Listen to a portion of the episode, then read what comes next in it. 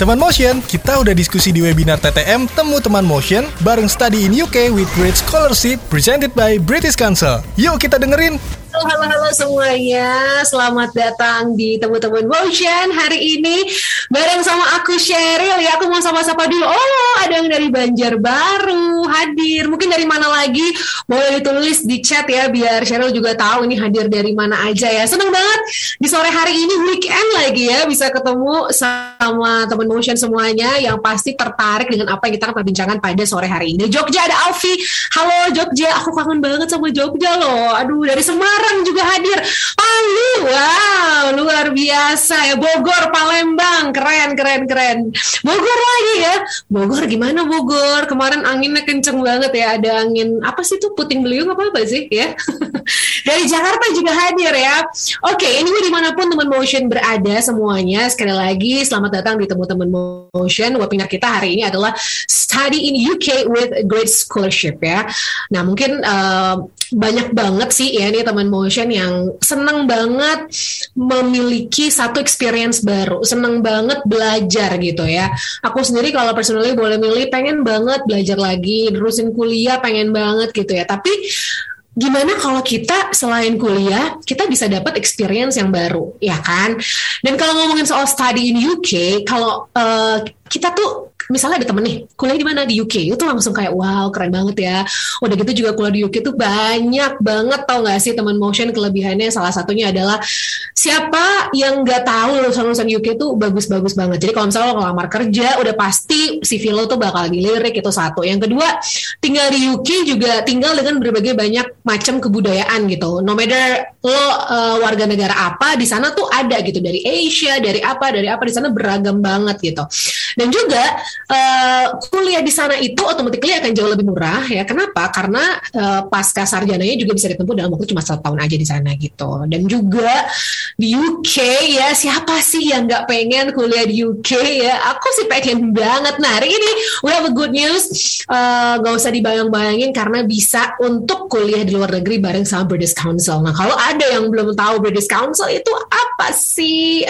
Oke, okay, kasih kalau British Council itu adalah organisasi internasional dari Inggris yang bergeraknya ini di bidang kebudayaan dan juga pendidikan. Jadi British Council bersama dengan pemerintah Inggris memberikan ratusan ya teman motion, ratusan beasiswa dan juga bantuan finansial untuk mahasiswa dari berbagai macam negara. Nah, salah satunya adalah kita-kita ini yang ada di Indonesia begitu. Nah, kalau pengen tahu gimana bisa ngedapatin beasiswa dari British Council dan bukan cuma itu, gimana nih pengalaman-pengalaman ya uh, mahasiswa-mahasiswa yang pergi ke sana kuliah di UK. Uh, kita akan cari tahu jawabannya hari ini gitu. Jadi kita akan ngobrol-ngobrol ya.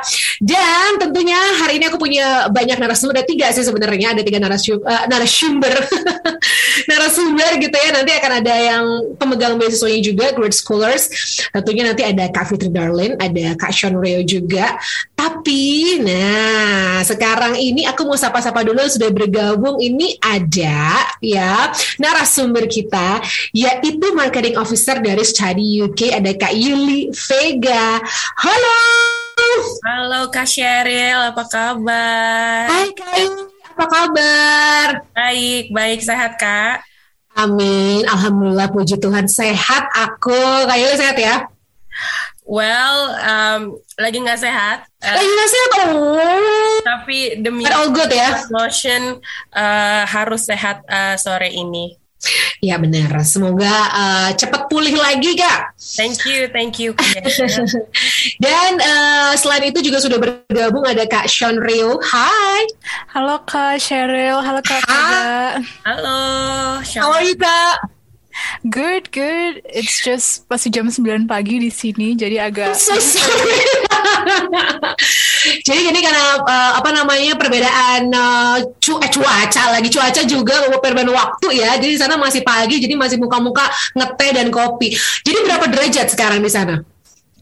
Sekitar 9 derajat lah ya. Masih nggak apa-apa uh, sih. I'm sorry, sekitar berapa kak? Sekitar 9 derajatan. 9. Oh, 9 itu nggak apa-apa ya. Kalau di sini udah kisut semua di sini kayaknya. Oke, okay. dan jadi Kak Shorwell ini adalah Great Scholars University of Cambridge dan bergabung dari kota Cambridge. Pastinya, bukan Bandung ya, teman motion ya. Oke, dan satu lagi ada, oh nanti bergabung ya, nanti akan menyusul bergabung sama kita ada Pichu Darlin dari Great Scholarship University of Tinggi. Dan uh, sebelumnya gini nih aku seneng banget bisa ngobrol-ngobrol sama Kak Yul Vega dan juga Kak Sean gitu ya. Dan mungkin Uh, sebelum Kak Sean kayaknya ada yang uh, eh Kak Sean lagi Kak Vega ada yang mau dipresentasiin gitu ya. Tapi aku pengen banget nanya nih aku pengen banget nanya sebenarnya ada berapa sih mahasiswa di Indonesia yang dapat beasiswa di UK sana Oke, kalau yang terima beasiswa uh, tepatnya aku uh, tahu ya Mbak karena kan ada beberapa program beasiswa kak yang uh, khusus untuk ke UK ada ya ada uh, chevening, ada uh, LPDP, uh, kemudian ada Great Scholarship mm -hmm. dan juga uh, scholarship scholarship lainnya dari BUMN juga ada. Jadi uh, banyak banget. Tapi totalnya uh, ada 3.500 sekitar 3.500 pelajar Indonesia sekarang yang uh, di UK, yang sekolah di UK itu dari berbagai uh, program ya dan dari uh, dan dari berbagai sekolah scholarships gitu. Nice. Oke. Okay. Nah ini mungkin ya yang uh, teman motion langsung pengen to the point, pengen tahu nih dari study UK ini sebenarnya beasiswa apa nih yang lagi di offer, yang lagi ditawarin nih kak? Oke, okay, kalau dari British Council sendiri dari uh, Study UK Campaign kita ada uh, Great Scholarships. Ya, ini mungkin uh, terdengar sedikit baru uh, oleh teman-teman di Indonesia yeah. karena memang Great Scholarships ini baru ada itu sekitar uh, baru masuk ya ke Indonesia sekitar 2018 gitu. Oh. memang uh, kita masih uh, building awareness ke uh, pelajar-pelajar Indonesia dan uh, sebenarnya mereka bisa uh, punya peluang untuk menjadi salah satu great scholars kayak Kak Reo sekarang gitu. Um, dan ada beberapa program juga yang ditawarkan oleh uh, great uh, sorry British Council uh, yang nanti akan launching di bulan Februari. Ada beasiswa full untuk ini khusus untuk perempuan nih, untuk perempuan, untuk ibu rumah tangga. Wow. Kita ingin mengapresiasi perempuan uh, yang mau belajar bidang STEM, Science, Technology, Engineering, and Math. Tapi uh, sore ini khusus untuk Great Scholarships dulu, karena aku ada program uh, Great Scholarship for Justice and Law yang memang tahun ini uh, khusus nih baru ada untuk pelajar Indonesia yang mau ambil jurusan hukum. I see. Jadi Great Scholarship itu mereka spesifik gitu ya. Biasanya ditawarkan itu jurusannya spesifik dan untuk yang terms 2022 ini yang dicari adalah Justice and Law. Jadi jurusannya gitu ya kayak. Uh, jadi ada ibaratnya ada anaknya gitu nih. Jadi yang selain great scholarships yang untuk general, oh. yang uh, khusus uh, hukum, justice and law. Jadi memang uh, membuka peluang lebih banyak buat uh, pelajar Indonesia yang mau lanjut S2 ke Inggris gitu. Oke, okay, oke, okay, oke. Okay. Nah, tujuannya sih, tujuannya sebenarnya aimnya dari beasiswa ini nih dari British Council nih tujuannya ke mana nih, Kak Yuli? Jadi memang tujuan untuk Great Scholarships ini adalah salah satu program pemerintah Inggris ya untuk uh, memberikan peluang atau akses kepada pelajar internasional yang ingin uh, mengemban ilmu di Inggris ya uh, di UK gitu Scotland, Northern Ireland, Wales dan uh, Inggris sendiri gitu. Kemudian kita ingin me selebrasi ya uh, begitu banyak uh, jurusan uh, atau uh, universitas yang teman-teman di Indonesia bisa pilih uh, karena uh, standar pendidikan kita yang tinggi di Inggris gitu. Kayak semuanya udah tahu lah ya standar pendidikan di Inggris seperti apa gitu. Lulusnya pun juga uh, banyak dicari oleh uh, perusahaan. Biasanya nggak susah hmm. sih kerjanya kalau lulusan Inggris ya gitu. Terus, uh, dan uh, kita kayak apa ya um, pemerintah Inggris nih lagi membuka pintu selebar-lebarnya untuk uh, international students nggak hanya dari Indonesia uh, untuk kuliah tapi juga selesai kuliah tuh bisa uh, bekerja atau mencari kerja di sana Kak Sheryl. Jadi uh, wah ini ini seru banget Betul, betul. Dan melalui program beasiswa Grade sebenarnya mereka bisa sih eh, nggak uh, harus pulang. Itu dia kelebihan Great Scholarship.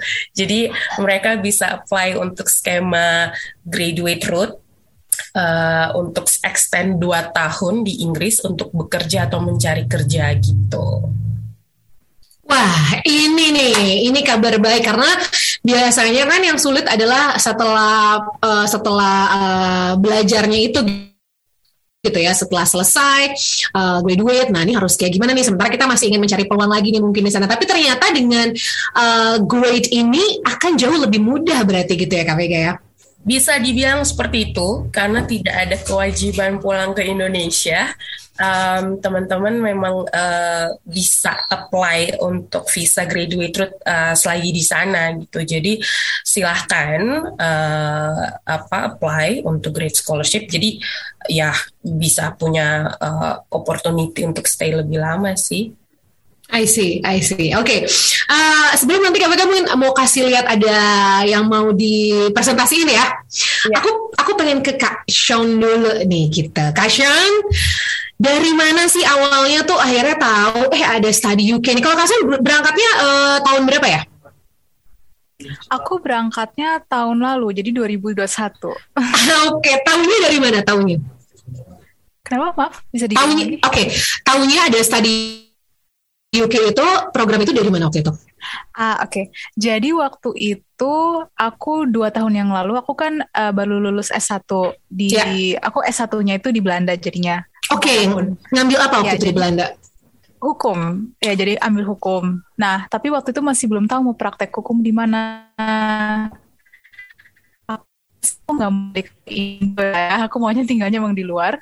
Jadi um, aku nyari S2 S2 yang di luar di mana yang enak. Aku suka UK.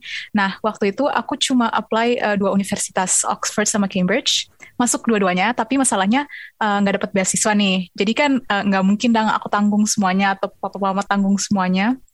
Jadi uh, yeah. aku sama mama papa bilang, oke okay, kita kasih satu tahun lagi, aku cari-cari beasiswa. Nah di situ ketemu studi UK cuma jadi cuma menelusuri menelusuri aja terus tiba-tiba hmm. dapet gitu muncul tapi waktu itu aku belum menelusuri banget sih waktu pertama kali ngeliat study UK jadi cuma kayak sempet ngeliat terus habis itu oke okay, fine next yeah, yeah, yeah. dan berangkat pada saat lagi pandemik gitu ya itu tuh yeah. itu gimana experience-nya jadi uh, wow banget lah ya.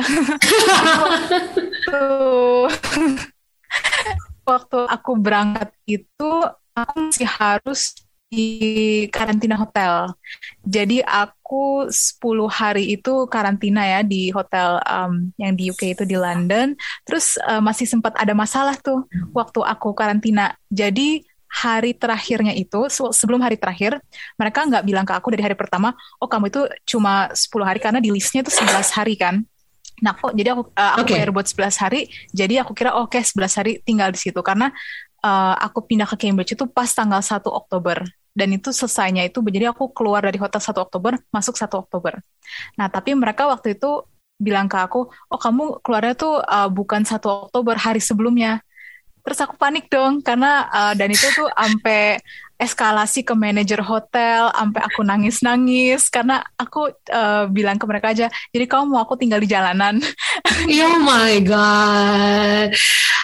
Gimana tuh akhirnya sih um, manajernya untung baik banget ya. Terus dia bilang, oke okay, um, harusnya kita clear ke kalian dari tanggal pertama kali aku masuk ke hotel itu um, selesainya tuh 10 hari aja. Hari hmm. ke-11 itu cuma hari jaga-jaga buat mereka.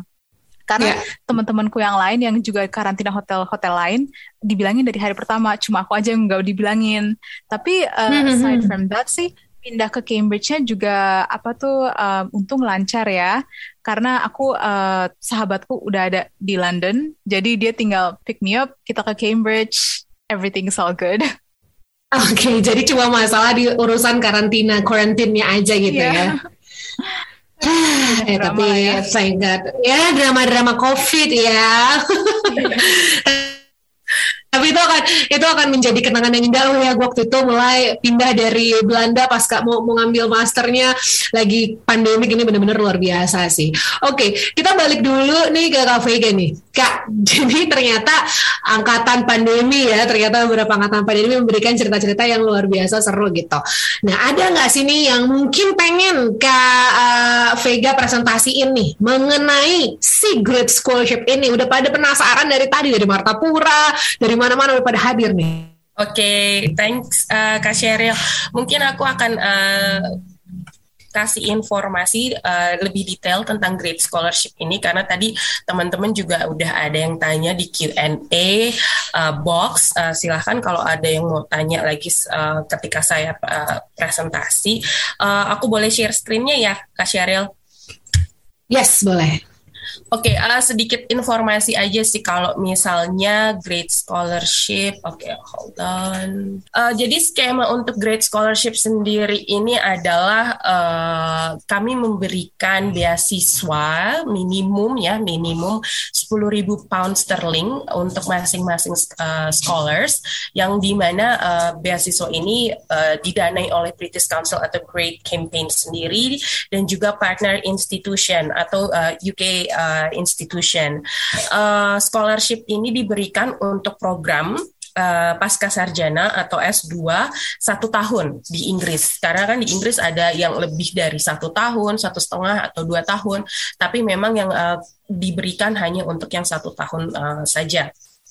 Nah, uh, kemudian uh, core program yang diberikan oleh Great Scholarship 2002 in, 2022 ini adalah uh, kami memberikan scholars, uh, scholarship yang uh, ada di beberapa negara terutama uh, ini yang bisa dilihat di layar uh, laptop teman-teman semua.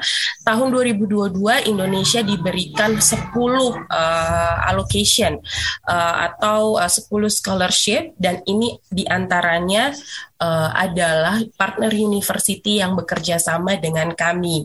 Kak Chandrio itu tahun lalu ya uh, merupakan kalau aku bilang bisa sangat-sangat beruntung karena University of Cambridge itu cuma uh, cuma ada satu ya satu scholarship dan uh, beliaulah yang terpilih. Tahun lalu itu kita ada 29 partner university, tapi tahun ini lebih sedikit.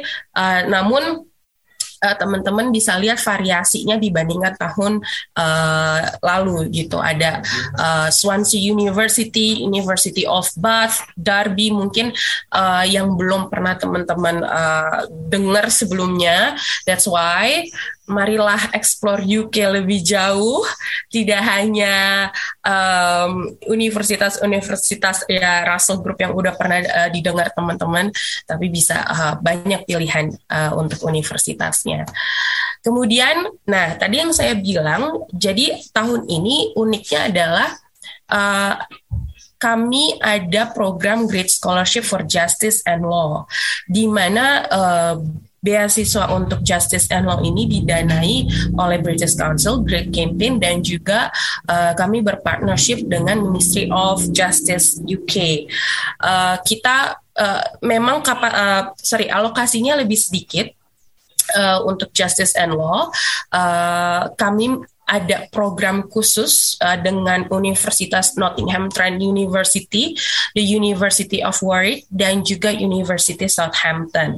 Kalau teman-teman ada yang mau ambil jurusan di bidang hukum, uh, hukum kan luas ya, ada international law, kemudian uh, mungkin terkait dengan uh, gender equality gitu. Nah, itu bisa masuk ke dalam uh, kategori justice and law. Itu sih uh, Kak Sheryl, uh, mungkin teman-teman kalau mau ada informasi lebih detail lagi, kalian bisa cek uh, informasinya di uh, study UK uh, britishcouncil.org di website kita itu detailnya uh, jelas sekali bisa langsung ngelink ya. universitas ke website universitasnya kayak gitu kak. Hmm. Oke, jadi itu kira-kira beberapa universitas yang juga berpartner gitu. Tapi pertanyaan aku gini kak, beasiswanya nih, ini mencangkup apa aja nih mungkin? Oke, okay, uh, good uh, questions. Uh, untuk beasiswa Great Scholarship sendiri, memang yang di cover adalah uh, hanya tuition fee. Uh, ya, contohnya misalkan tuition fee kalian itu uh, satu tahun 22.000 sampai 25.000 let's say kayak gitu ya. Uh, dengan hmm. beasiswa Great Scholarship ini yang diberikan uh, minimum 10.000 itu bisa mengcover ya kurang lebih uh, ya setengah atau bahkan uh, 60% hingga 70% dari uh, tuition fee tersebut gitu.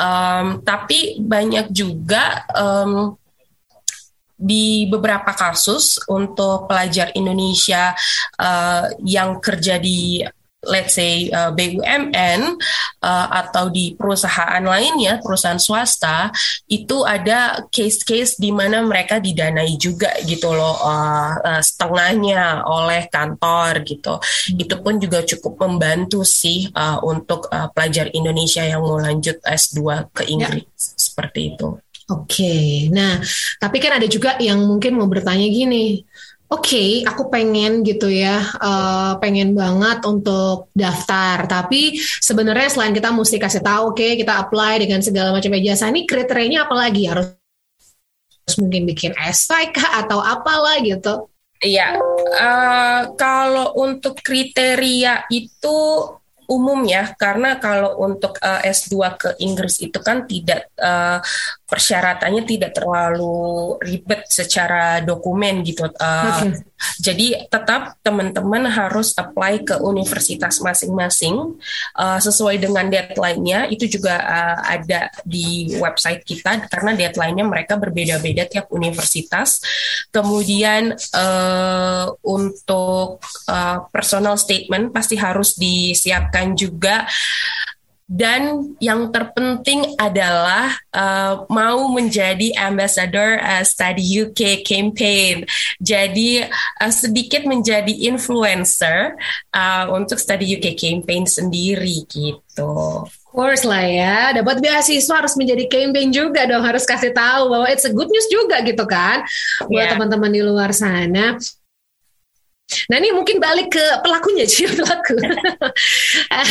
Ada Kak Sean Rayo dari sana yang masih jam 9 pagi lebih ya, masih ngantuk kayak ya. Anyway, uh, berarti udah berjalan almost a year ya kak ya?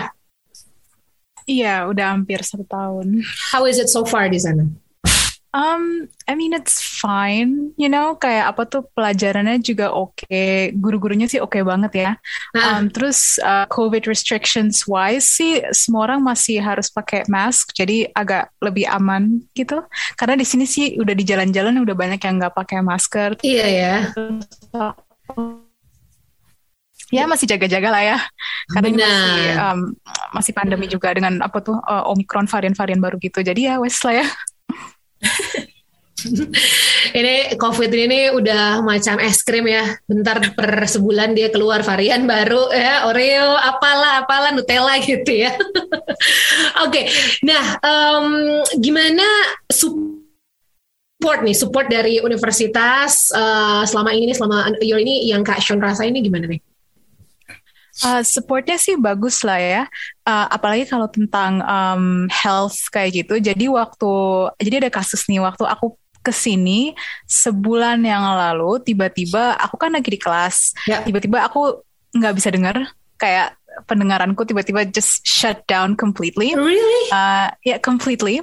Terus um, aku langsung jadi kalau di sini diajarin kalau misalnya kenapa-kenapa uh, nomor pertama yang kalian telepon itu di kita ada Porter's Lodge setiap college basically ada porter slot ini. Nah aku telepon, uh, well aku nggak bisa telepon jadi aku email mereka.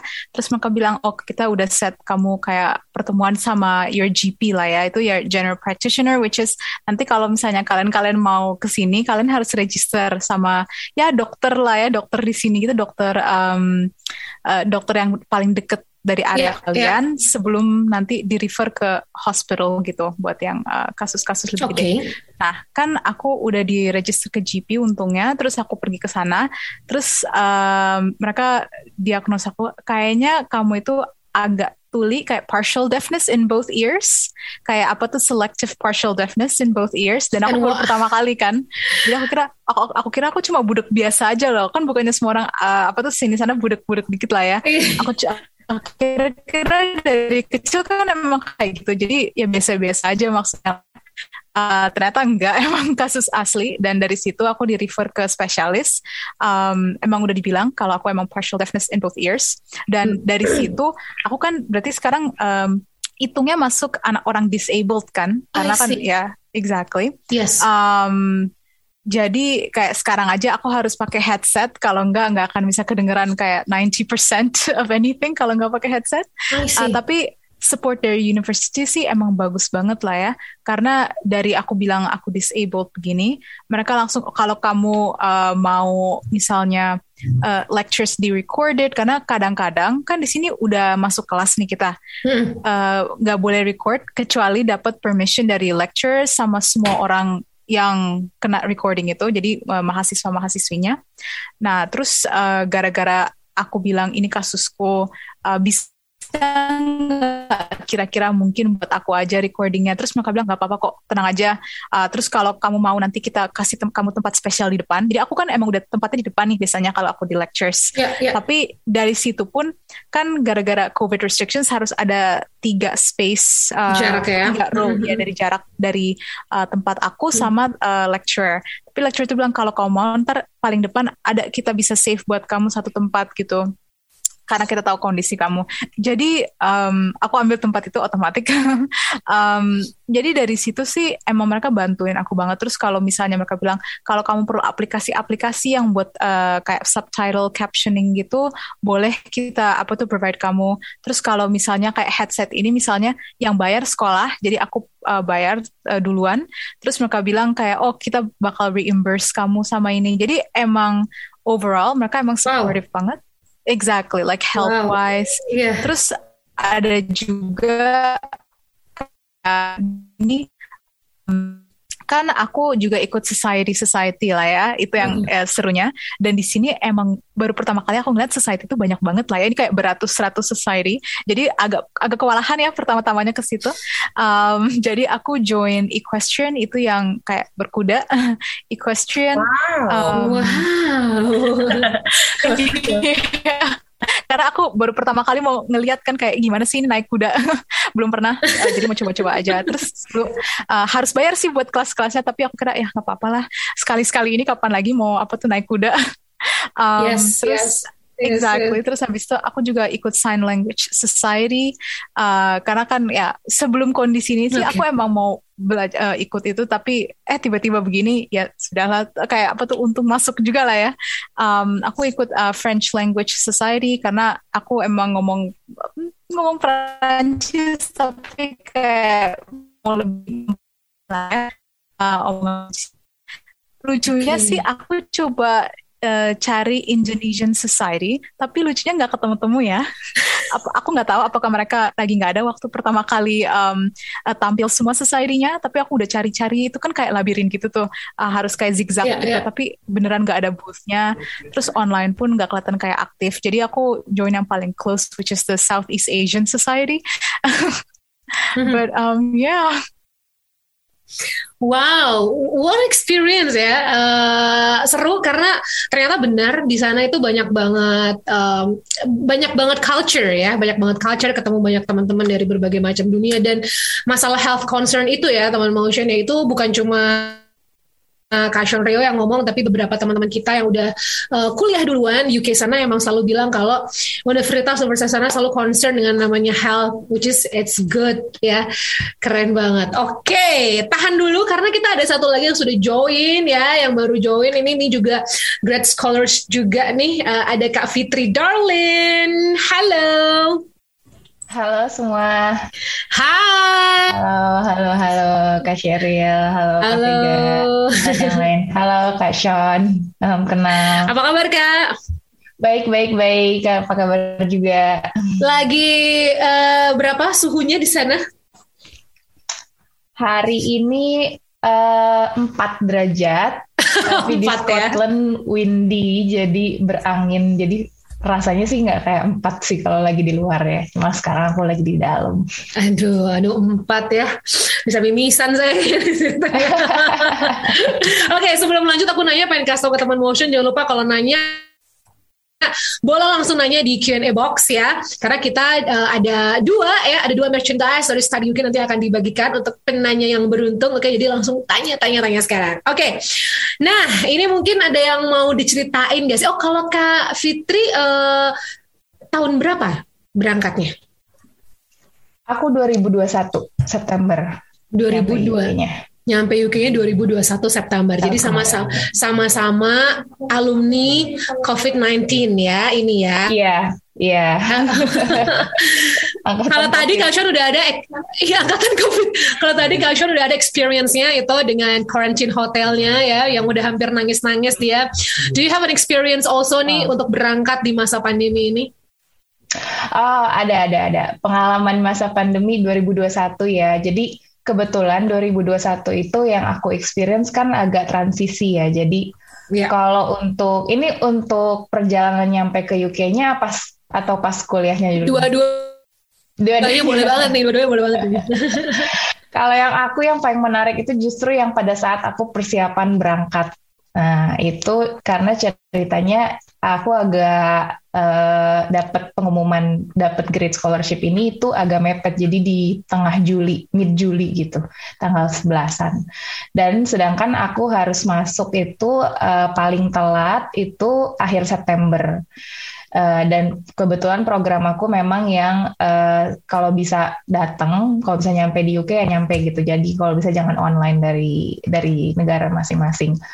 Nah, aku lumayan mepet dan aku betul-betul uh, belum prepare apa pun pada saat uh, diterima di grade scholarship itu. Dan pada saat itu juga aku sebetulnya udah dapat offer, dapat acceptance juga dari di LPDP. Uh, eh, oh iya, LPDP ya. Funded. Mm -hmm. Jadi waktu itu agak dilema tuh, walaupun tapi aku akhirnya milih juga ke grade scholar karena emang tujuan pertamanya itu pilihnya grade scholarship. Uh, dan uh, pada saat itu memang banyak peraturan-peraturan yang mesti di eh, yang mesti diurus ya dari COVID ini.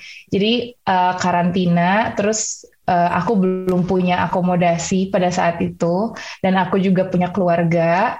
Uh, lalu aku juga belum dapat uh, kas ya namanya. Jadi ya. untuk ya, uh, untuk untuk kalau untuk mau apply student visa itu harus punya kas itu. Sedangkan aku belum diterbitin sama pihak universitas. Jadi dalam waktu aku cuma bisa uh, aku harus buru-buru sebulan lah kira-kira. Jadi udah harus udah harus siap-siap gitu. Nah Uh, dan pada saat yang itu kebetulan juga aku uh, bingung karena uh, aku akan berangkat ke aku keterimanya di University of Dundee Skotlandia. Jadi aku akan berangkat ke Skotlandia itu waktu itu dari US karena kebetulan ke tempat kakakku dulu. Dan peraturannya itu setiap berapa hari itu berubah. Jadi aku bingung antara mau berang kalau aku berangkat dari Indonesia terus aku ke US, aku balik lagi ke Indonesia, aku bisa ngabisin karantina sekitar tiga minggu. Jadi waktu itu diputuskan aku berangkatnya dari US, tapi uh, dihitungnya aku masuknya dari Amber List dan tetap harus karantina masing-masing tapi diakomodasi masing-masing. Oke. Okay. Gitu. Jadi dan total, menariknya, karan total karantinanya uh, 10 hari. Tetap 10 hari tapi aku udah harus punya akomodasi which is waktu itu aku belum punya akomodasi. dan yang serunya adalah akhirnya aku akhirnya di hotel nyari hotel di Dundee uh, alhamdulillahnya dibantuin banget, di guide banget sama university. Dan juga dari British Council juga bilang kalau ada apa-apa tolong kabarin. Uh, nanti kita support, kita bakal bantu semua dan semua informasi dikasih sih. Jadi alhamdulillah lancar. Waduh, nyampe juga ya akhirnya ya. Yeah. nah ini uh, Uh, gimana? Gimana rasanya? Oke kan kalau uh, Kak Fitri kan dapat juga nih ada pilihan juga nih waktu itu dari mau apply beasiswa yang lain ya. Hmm. Uh, gimana rasanya kuliah dengan beasiswa nih? Gimana rasanya? Something something yang beda nggak? Dibandingin sama tidak berbeasiswa ya. Dulu aku S1 iya dong, pakai beasiswa gitu. sih. S1 kan S1 kan bayar sendiri kan. orang tua, orang tua. Oh iya benar orang tua. Iya, rasanya pasti beda ya karena pasti yang satu uh, value-nya value-nya beda uh, karena kita betul-betul berusaha berusaha mati-matian gitu buat dapetin yeah. beasiswa ini. Dan uh, merasa privilege juga karena aku tahu juga pasti banyak uh, scholarship hunters dan kalau kita dapat kesempatan itu berarti ya jodohnya gitu. Jadi uh, pa pada saat ngalamin kuliah misalnya kayak lagi down misalnya aduh banyak banget nih tugasnya atau misalnya aduh nih susah banget yang ini lecturenya itu kayak lebih ya oh tapi kita kan dapat scholarship berarti emang kita jalanin dan uh, semaksimalnya. Jadi lebih termotivasi aja sih kuliahnya sebetulnya. Yeah. apalagi S2 kan lebih minatnya lebih spesifik ya sama yeah. apa yang kita suka. Jadi lebih enjoy menurut aku. Oke okay, benar sih. Jadi kalau udah mulai lagi gitu. Kita kayak oke okay, balik lagi. Jangan sampai ya nanti ada apa-apa apa nanti lama ya kan. Karena nggak enak juga sama pemberi beasiswa. Ada ada apa ya? Ada tanggung jawab yang kayaknya tuh lebih tinggi gitu. Loh ya nggak sih Iya, benar-benar benar gitu. Oke, nah ini kita banyak banget nih udah pertanyaannya yang sudah masuk gitu, pertanyaan-pertanyaan yang sudah masuk. Tapi sebelumnya aku pengen nanya dulu nih, mungkin kalau dari Kashan, kira-kira kalau misalnya dari teman motion yang pengen gitu ya untuk apply beasiswa, tapi kadang lo takut-takut gitu, kayak nggak pede gitu. Do you have something to tell to them gitu, kayak kenapa sih harus nggak pede atau apa sih gitu yang uh, bisa bikin semuanya semangat atau cari beasiswa kan ada yang mungkin secara nilai mencukupi sebenarnya mungkin mampu tapi kayaknya mau cari-cari beasiswa tuh kayak malu kayak nggak enak kayak takut nggak capable gitu lah gimana Kak Sharon? Jadi um, dari personal experience-nya um, literally apply for everything karena kayak yeah. aku apply with the mindset of sebenarnya kalian mau lose apa sih? What do you have to lose? You mm-hmm. know, mm-hmm. you have nothing to lose. Adanya mungkin a little bit of time, tapi kayak kalau misalnya satu tembus gitu kan, it's worth it. Jadi ceritanya waktu aku uh, dapet Grace Scholarship itu juga aku nggak nyangka banget ya karena waktu itu aku udah ada kayak taruhan gitu sama nyokap sama bokap. Jadi taruhannya itu kalau kamu bisa dapat jadi mereka bilang kalau kamu bisa dapat scholarship yang bisa cover at least 50% or 60 lah ya 60% of the tuition fee kamu boleh pergi. Tapi kalau enggak ya udah mau gimana? Jadi kalau misalnya aku nggak pergi aku tadinya emang akhirnya bakal ke UK juga ya karena aku mau apa tuh emang mau kerja di situ kan. Tapi ya kayak nggak ada scholarship dan nggak mungkin ke Cambridge pastinya pasti ke universitas lain. Nah waktu itu kalau nggak salah aku cuma apa tuh hari biasa aja. Aku kira kayak jadi cuma ngeliatin aja acceptance letter kayak ya kalau misalnya keterima lagi terus nggak bisa pergi lagi sedih banget lah kayaknya ya. Eh tiba-tiba uh, oh you got a scholarship. Aku kayak oh oke okay, oke. Okay. padahal sama sekali nggak ngira gitu. Tapi aku udah coba scholarship ini. Aku juga waktu itu coba Jardine scholarship tapi waktu itu buat Oxford dan itu nggak tembus sama sekali. Ada waktu itu aku punya lebih banyak chance di situ eh ternyata malah sini yang tembus. Jadi beneran guys kayak apply for everything and anything. Karena kayak you nggak akan tahu ya yang mana yang bakal tembus. Terus kalau misalnya takut kayak oh mungkin ini nilainya nggak nggak terlalu banyak nggak kayak gitu. Mereka masalahnya nggak cuma pentingin nilai aja ya. Mereka juga pentingin oh. kayak apa tuh itu harus balanced semuanya. Jadi dari your nilai your experience. Jadi bukan cuma kayak oh kalau misalnya nilai you bagus atau cuma ranking. No kayak your experience apa kayak you volunteer in sesuatu yang you yeah, passionate yeah jadi mereka pasti bakal ngelihat dari aplikasi you itu you itu orangnya harus wholesome. You jangan cuma punya otak aja, tapi kayak there's no compassion, basically ya. Um, tapi yeah, yeah, yeah. ya kayak apa tuh nggak usah takut-takut sih. Uh, paling kalau misalnya mau uh, research buat scholarship itu, aku bilangnya cuma research baik-baik ya. Jadi kan kamu pasti ngeliat kayak oh gimana misalnya fill in a specific section kayak misalnya mereka mau tahu kenapa you mau like, your motivation gitu. Kalau mm -hmm. mereka mau tahu motivation you be honest. Karena dulu-dulu aku kalau misalnya ditanya uh, kenapa motivation you? itu aku cuma ngeliat kayak dari contoh uh, apa tuh answer orang lain terus aku mimik gitu lah ya. Bukan straight on copy tapi mimik yeah. gitu. Yeah. karena aku kira oh uh, kalau itu tembus aku juga pasti bisa tembus. Tapi orang itu bisa ngeliat kayak hmm, orang ini nggak kayak apa tuh they're not really actually saying this, it's someone else's words. Karena mereka pasti bakal tahu lah ya. Dan yes. walaupun you kira mereka nggak akan tahu, mereka bakal tahu. Karena misalnya um, ada kan scholarship lain yang emang perlu interview kan. Yep. Nah kalau di situ kan waktu itu aku grade scholarship nggak ada interview tuh. Um, untungnya, tapi tapi kayak apa tuh buat scholarship scholarship lain yang ada interview itu di situ yang uh, mereka beneran tanya balik dari aplikasi you itu yeah. itu cuma basically it's a review kayak apa tuh please expand on this point mm-hmm. misalnya nah itu um, it's on you can you expand on that point? Karena kalau you nggak bisa, mereka udah ketahuan kayak, oh berarti, are you sure this is your words? Kayak gitu yeah, loh ya. Yeah, yeah. Tapi, um, yeah, that's my only uh, thing, I guess. But yeah. yeah. I do agree, benar sih, karena kayaknya kalau misalnya kita honest juga jawabnya gitu ya itu akan akan terlihat ya walaupun mungkin nggak interview tapi ya tapi mungkin akan juga terbaca dan terlihat juga apa sih sebenarnya tulisan-tulisan ini gitu kalau terlalu obvious kayak oke okay, you're not copying tapi mimikingnya kayak 70% mimicking gitu ya. Kalau Kak Fitri gimana Kak? Kalau misalnya ada yang pengen apply tapi what to do gitu, sebenarnya apa sih yang paling harus dipersiapkan mungkin Uh, sama sih kayak Sean ya. Jadi preparation kalau mungkin yang aku bisa lebih tekenin lagi. Uh, kalau pada pengalaman aku, aku preparationnya agak lama sebetulnya karena pengen berangkatnya itu dari sebelum COVID. Mm-hmm. Di 2019 sudah mulai kepikiran 2018 akhir 2019 lah udah mulai kepikiran banget nih. Uh, dan uh, aku nggak apply apa pun di 2019 2020 ya 2019 itu aku belum ada apa-apa apa pun karena aku mau lihat dulu nih tahun depan tuh ada apa aja yeah.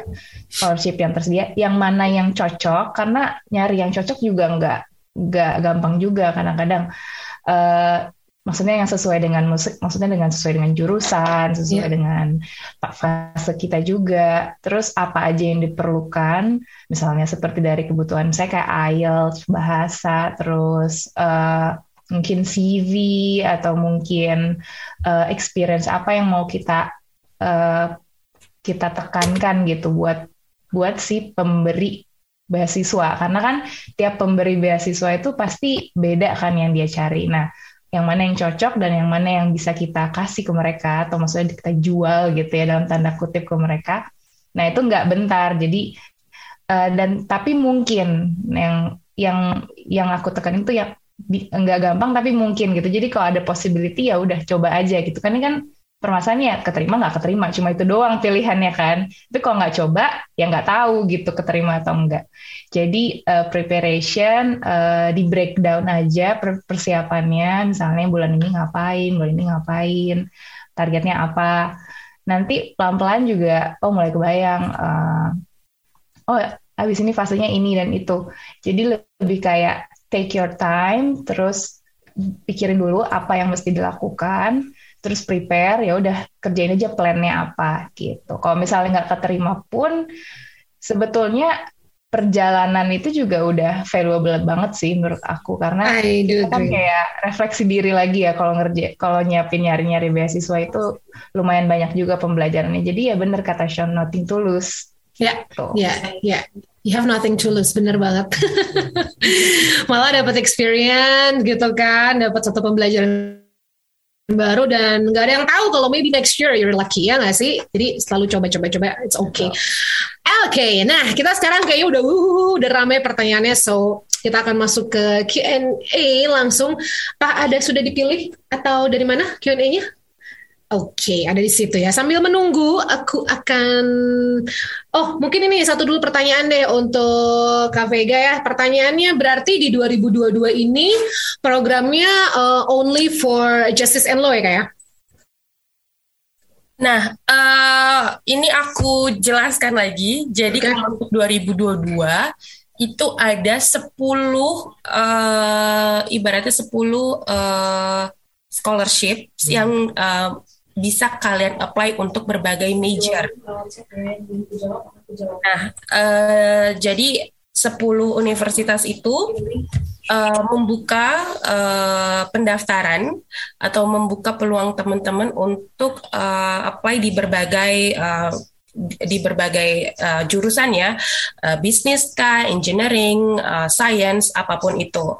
Untuk yang program Great Scholarship Justice and Law yang kami bekerja sama dengan tiga universitas itu, nah itu hanya khusus untuk bidang hukum. Jadi teman-teman punya ibaratnya punya dua peluang nih.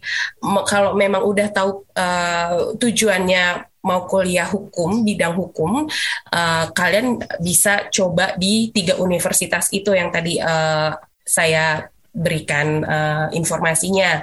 Tapi kalau misalnya mau uh, coba di universitas lain yang ada di 10 uh, list kami, silahkan itu juga bisa. Jadi uh, tidak hanya justice and law, tapi kami ada dua, yang general uh, subject dan juga yang uh, focus subject gitu. Uh, kemudian sekalian aja nih aku babat ya jawabannya untuk pertanyaan yang ada di Q&A karena okay. aku uh, biar sekalian jadi teman langsung deh, boleh langsung cus cus dijawab nah, semua.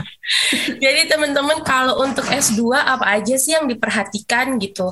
Uh, tadi yang seperti Kak Sean dan Kak Fitri bilang, uh, mereka memang tidak hanya melihat dari akademik saja gitu, tapi kalau udah mau kita sekolah S2 banyak banget yang uh, ada ada faktor ada faktor tertentu yang akan dinilai oleh tim akademik uh, dari pihak universitas. Semua itu harus kalian tumpahkan di personal statement. Makanya beda personal statement S1 dengan S2 itu cukup cukup uh, signifikan. Kalau teman-teman uh, ingin latihan uh, bikin personal statement yang baik dan benar, udah banyak banget sumber-sumber yang bisa teman-teman uh, cari di YouTube atau di webinar-webinar uh, uh, eksternal lainnya. Teman-teman uh, juga bisa minta tolong sama teman-teman yang lain uh, yang udah pernah kuliah ke luar negeri untuk review dulu personal statementnya karena di situ uh, informasi yang ditumpahkan uh, ke dalam uh, personal statement itu menjadi salah satu faktor esensial untuk menentukan apakah kalian diterima atau tidak di universitas tersebut dan layak atau tidak di uh, apa namanya mendapatkan beasiswa tersebut gitu loh. Untuk grade scholarship sendiri uh, sebenarnya proses untuk uh, pendaftarannya itu langsung ke uh, pihak universitasnya yang tadi saya bilang. Uh, masuk ke website kami ada list universitinya uh, nanti akan nge-direct kalian ke website universitas dan di situ kalian bisa cek detailnya jurusannya apa aja yang uh, diberikan kemudian uh, deadline-nya kapan Deadline-nya itu untuk S2 beragam uh, dari Maret sampai Juni 2022. Jadi setiap universitas punya deadline masing-masing gitu. Kalau untuk Oxford atau Cambridge memang lebih awal uh, deadline-nya biasanya daripada universitas lainnya. Uh, sebentar. Kemudian uh, untuk apa namanya? IELTS, ngomong-ngomong soal IELTS lagi nih sekalian aku jawab. Untuk IELTS sendiri uh, tergantung dari jurusan masing-masing.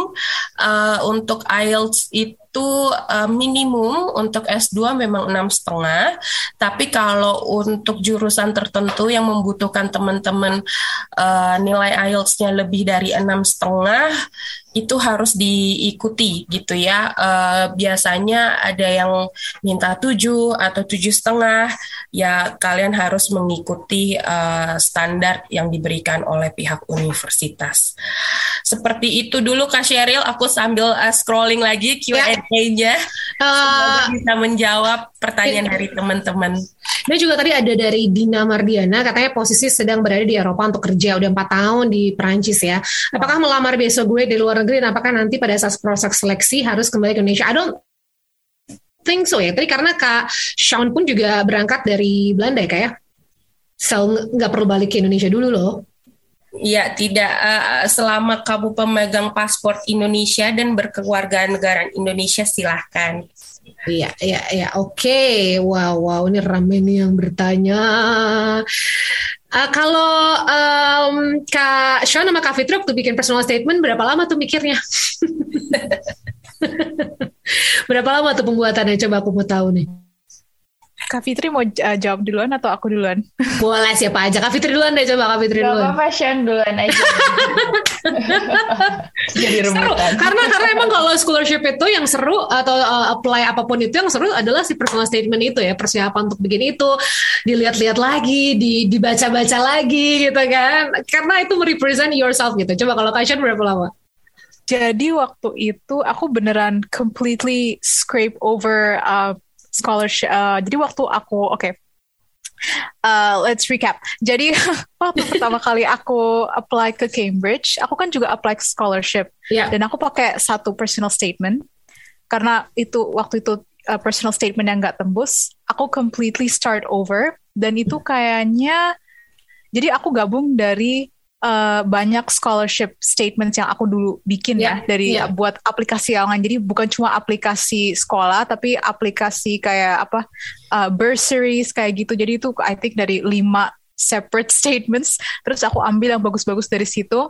Nah terus dari situ um, aku sih aku sih uh, nggak share ke siapa-siapa ya karena waktu aku apply buat ini misalnya ada emang hal-hal yang aku share di situ itu kan personal statement so it's personal. Jadi hmm. aku emang nggak share ke siapa-siapa. Yes. tapi uh, karena itu emang ada hal-hal yang personal yang aku nggak mau orang tahu kecuali aku sendiri. Uh, jadi even orang tua pun aku nggak mau mereka tahu tuh. Tapi kayak ya begitulah. Um, tapi kalau misalnya ada elemen-elemen yang kayak general gitu sih uh, kayak Kak Cheryl bilang, Kak Fitra sama Kak Vega bilang, emang mendingan um, ada satu atau dua orang buat ngeliatin personal statement kamu, tapi jangan kebanyakan karena semua orang kan pasti kan ada different points of view kan. Nanti yeah, yeah. akhir-akhirnya malah kelihatannya points of view mereka di kertas itu bukan point of view kamu. Jadi hati-hati yeah. juga sama itu. Tapi buat aku sih sekitar uh, sebulan lah ya, sebulanan buat clearly look at things slowly dulu. Um, karena kalau misalnya terakhir kali itu aku bikin tuh cuma beberapa hari dan itu sama sekali nggak tembus. Yeah. Jadi um, ya. Yeah. ya ya di, di, di bawah tidur dulu guys ya. Oke okay, kalau Kak Fitri? Uh, iya ya mirip-mirip sama Kak Sean. Aku uh, kebetulan kan dari kita kan baru bisa apply grade scholarship kalau udah dapat letter of acceptance itu kan. Kebetulan pada pas aku itu letter of acceptance-nya itu dapatnya bulan April dan tutup deadline-nya itu sekitar bulan Mei. Jadi ya kurang lebih sebulan ya. Tapi sebetulnya draft untuk personal statementnya sendiri itu udah disiapin dari yang sebelum-sebelumnya sama juga kayak Kak Sean. Tapi kita tiap tiap bikin personal, statement kan pasti lihat lagi kan oh ini berarti kita atur lagi nih strateginya sekarang siapa nih yang mau mau baca misalnya universitas ini yeah, atau yeah. pemberi pemberi beasiswa ini kah yang mau nggak mau kita rombak dan coba di reframe lagi gitu kata-katanya dan uh, itu nggak sebentar sih biasanya. Yang lama yang lama itu proses mikirnya sebenarnya. Kalau untuk proses nulisnya itu teknis. Jadi oh kita udah tahu mau nulis apa. Oke oke begini nanti kira-kira intinya ini dan mungkin kalau ada orang yang bisa proofread bantuin proofread ya untuk benerin English ya lah atau sekedar oh ya. kayaknya ini struktur kalimatnya kurang nyambung atau misalnya kayaknya lebih enak kalau begini nah itu kita aku kadang-kadang diskusi sama beberapa orang okay. tapi untuk uh, idenya sendiri bener sih kata kata Sean itu emang personal dan emang achievement kita experience kita apa yang kita pelajari apa yang pengen kita sampaikan itu personal banget jadi ya. proses mikir lebih lama sebenarnya daripada proses nulis. Benar-benar. Jadi mikirnya ya. Persiapan sih, lebih ke persiapan. Iya. Oke, ini ada pertanyaan nih, mungkin Kak uh, Vega bisa jawab. Karena beasiswa ini sifatnya parsial, boleh nggak sih kita sambil kerja sambilan katanya gitu? Oke. Oke. Sebenarnya uh, agak tricky nih pertanyaannya. Karena gini sistem kalau di Inggris itu kalau kita mau sekolah semua itu bayarnya di muka. Uh, ya aku ngomong aja nih ya uh, kenyataannya realitanya. Jadi kalau misalnya kamu mau kuliah di Inggris uh, harus uh, biasanya universitas minta kamu untuk bayar dulu gitu selama setahun ya. Uh, di awal sebelum kamu mulai belajar. Atau ada beberapa universitas yang uh, bisa uh, beberapa kali gitu dalam setahun, tapi umumnya itu memang uh, harus dibayar di awal gitu. Nah, uh, gimana sih kalau misalnya aku pengen nih grade scholarship tapi ini fully funded gitu bisa nggak sih uh, di-combine sama misalnya sponsorship lain? Jadi ada beberapa case memang ya uh, dari uh, scholar sebelumnya uh, di mana mereka mendapatkan support atau sponsorship lain untuk menutup uh, biaya yang tersisa gitu. Entah itu dari biaya tuition fee atau living cost. Ya itu ada. Tapi uh, sebenarnya uh, balik lagi kepada pihak universitas apakah bisa dikombin atau tidak? Biasanya sih mereka akan memberitahu uh, kepada pihak uh, kepada scholars gitu atau penerima beasiswa uh, apakah bisa uh, dikombin atau tidak gitu. Karena balik lagi uh, sebenarnya uh, basicnya beasiswa grade ini tidak bisa dikombin uh, dengan uh, apa namanya dengan uh, bentuk sponsorship lain atau uh, yang teman-teman tahu misalnya dikombin dengan LPDP atau chevening itu tidak bisa. Mereka pun juga tidak mempunyai skema seperti itu. Tapi uh, dari case-case yang saya tahu uh, dari Great Scholar sebelumnya, mereka itu mendapatkan support dari uh, kantor, kemudian dari organisasi lain yang bisa menutup kekurangan itu. Gitu sih, Kak Sheryl. Ya, ya. Jadi uh, yang dibayarkan hanya uh, tuition fee-nya aja ya. Oke, okay, kalau begitu. Oke, okay, satu pertanyaan terakhir nih kita baca ya. Apa kriteria yang dapat memperbesar kesempatan terpilih Great Scholarship? Oke. Okay. Um, banyak berdoa dan rajin berlatih ya. betul betul. Karena aku uh, ngelihat dari uh, Kak Sean sendiri, Kak Fitri sendiri dan beberapa uh, scholars lainnya yang sudah keterima tahun lalu hmm. itu sebenarnya jurusannya juga bikin aku suka bengong melongo hah? Gitu gitu loh. Karena oh ya ternyata orang Indonesia ada ya yang bisa ini gitu loh. Uh, yang ngambil jurusan uh, ini gitu triknya apa tadi semua udah dibilang tuh sama Kasya sama Kak Yes, benar. Uh, kalau dari aku secara teknis memang ya akademik ya uh, satu, yang kedua personal statement, yang ketiga berdoa dan berusaha. Kalau misalnya gagal, coba lagi, jangan jangan apa namanya jangan mudah putus asa dulu gitu. Ya, ya, ya, ya, benar sih. Uh, yang penting jangan mudah putus asa itu yang pertama ya. Dicoba terus kalau kata Kasyon tadi kan you have nothing to lose. Jadi ayo dicoba terus ya. Oke, okay, nah ini sebelum nanti kita akan pilih pemenangnya ya. Um, ad, aku pengen pengen ini dulu, pengen uh, kasih tahu untuk kita akan memilih dua orang orang ya penanya yang beruntung hari ini untuk bisa ngedapetin merchandise dari Study UK. Dan kalau misalnya pengen tahu lebih lanjut soal informasi-informasi itu nanti akan ada pastinya nanti akan kasih tahu lagi. Dan nih sebelum nanti kita bacain pemenangnya, Oh, ini ada pertanyaan yang juga menarik sih dari Kak Yesi. Mungkin aku tambahin sedikit ya. Pertanyaannya ke Kak Sean sama Kak Fitri nih sebelum kita mungkin nanti closing. Gimana beradaptasi di lingkungan di sana ya, terutama di UK misalnya. Oke okay lah kalau iklim gitu ya. Terus juga uh, mungkin secara uh, apa ya sosial di sana gimana beradaptasinya atau selama ini I think oke okay, kayaknya bisa deh gue baca kalau culture shock kayaknya semua orang pasti mengalami lah ya tapi gimana nih how is it living in UK Siapa dulu? Kak Fitri dulu Oke, okay. mungkin aku bisa cerita dulu. Uh, Kak Fitri mau duluan atau?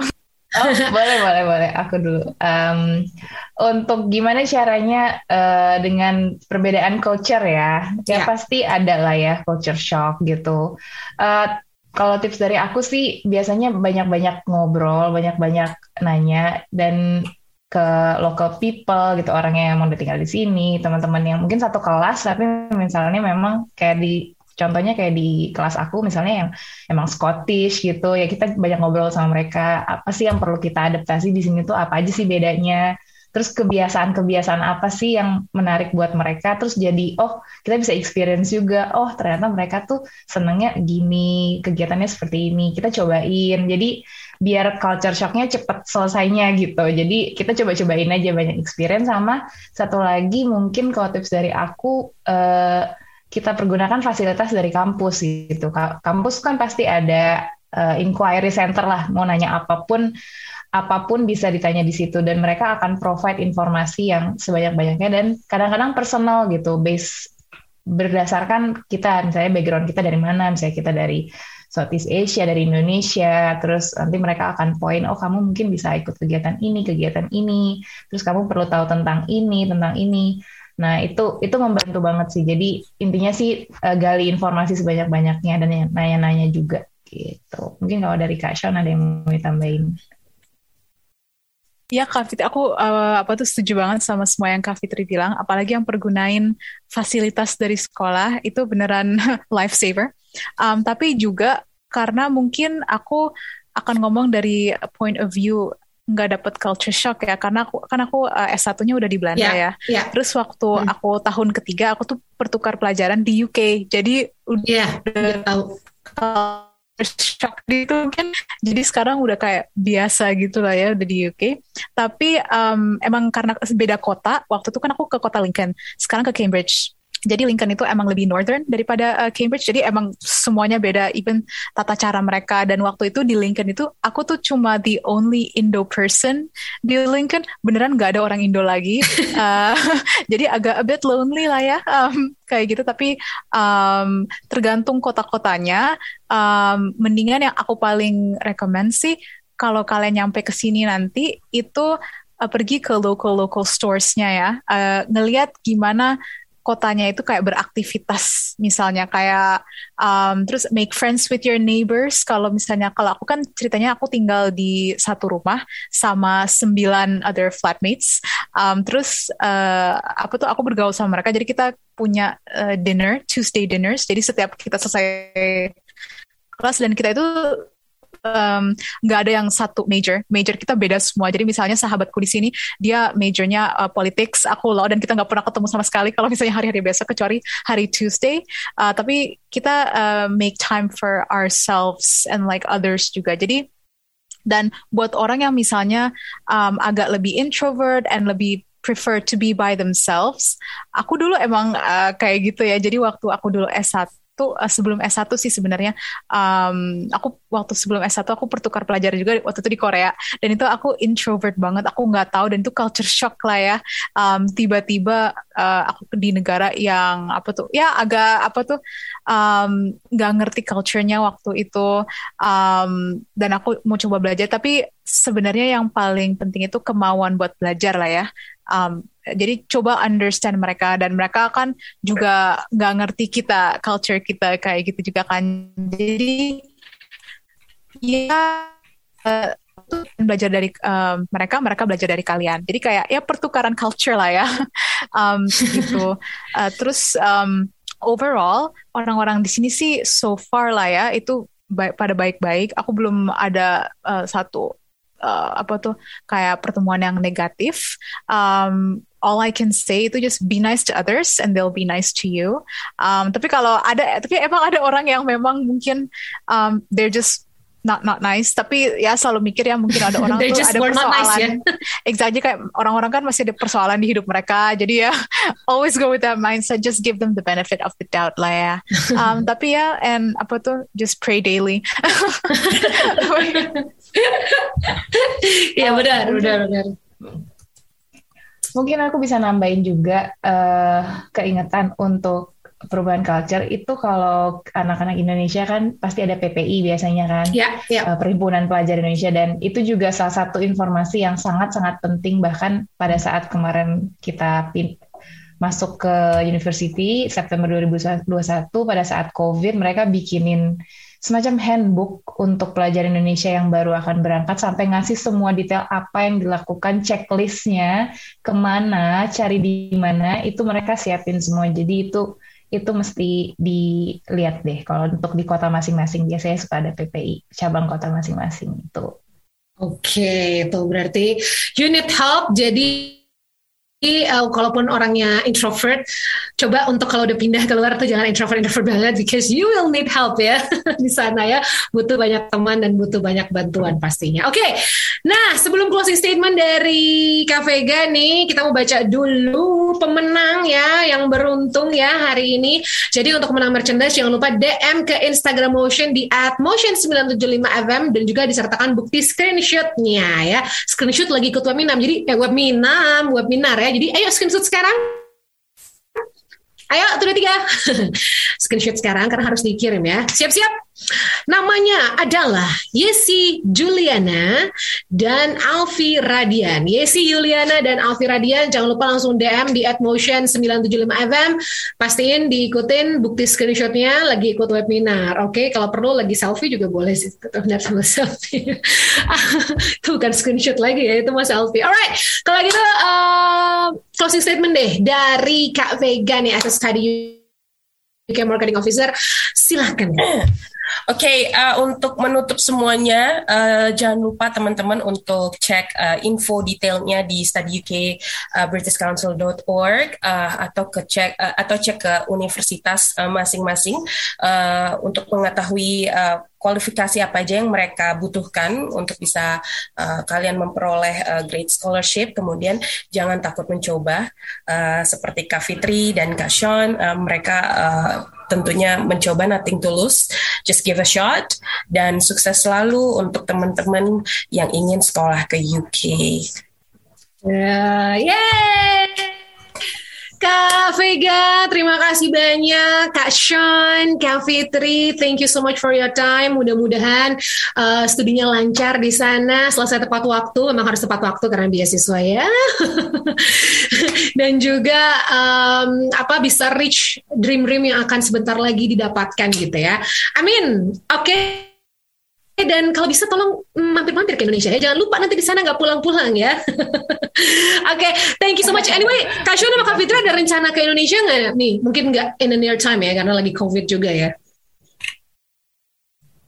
Personally sih aku um, tah dari tahun ini nanti nggak jadi abis aku selesai apa tuh S2 ini aku harus penjurusan lagi karena buat jadi lawyer emang harus ada course penjurusan yeah. dan itu aku bakal ke Manchester. Um, jadi kayaknya tahun depan sih mungkin ke balik ke Indo tahun cuma depan buat vacation gitu ya. Uh, uh, dia soalnya udah pengen udah pengen apa namanya Indonesia cuma vacation habis itu cabut lagi. Kalau kami kapan nanti ke Indonesia lagi? Uh, belum ada rencana terdekat, uh, tapi kalau bisa tahun ini disempetin, pasti disempetin pulang sebentar. Yes, benar banget ya. Oke, okay. thank you so much semuanya. Terima kasih banyak. Sekali lagi mudah-mudahan teman motion dapetin ya manfaat dari webinar kita sore hari ini. Dan sekali lagi kalau kamu pengen mencoba untuk study UK, yang penting adalah seperti kata scholar-scholar kita tadi, Kak Shona juga Kak Fitri, you've got nothing to lose, nggak rugi apa-apa untuk mencoba terus ya, siapa tahu Today is your lucky day. Oke, terima kasih banyak. Kita ketemu lagi di lain kesempatan. Nah, itu dia webinar TTM Temu Teman Motion bareng Study in UK with Great Scholarship presented by British Council. Sampai ketemu di webinar Temu Teman Motion selanjutnya.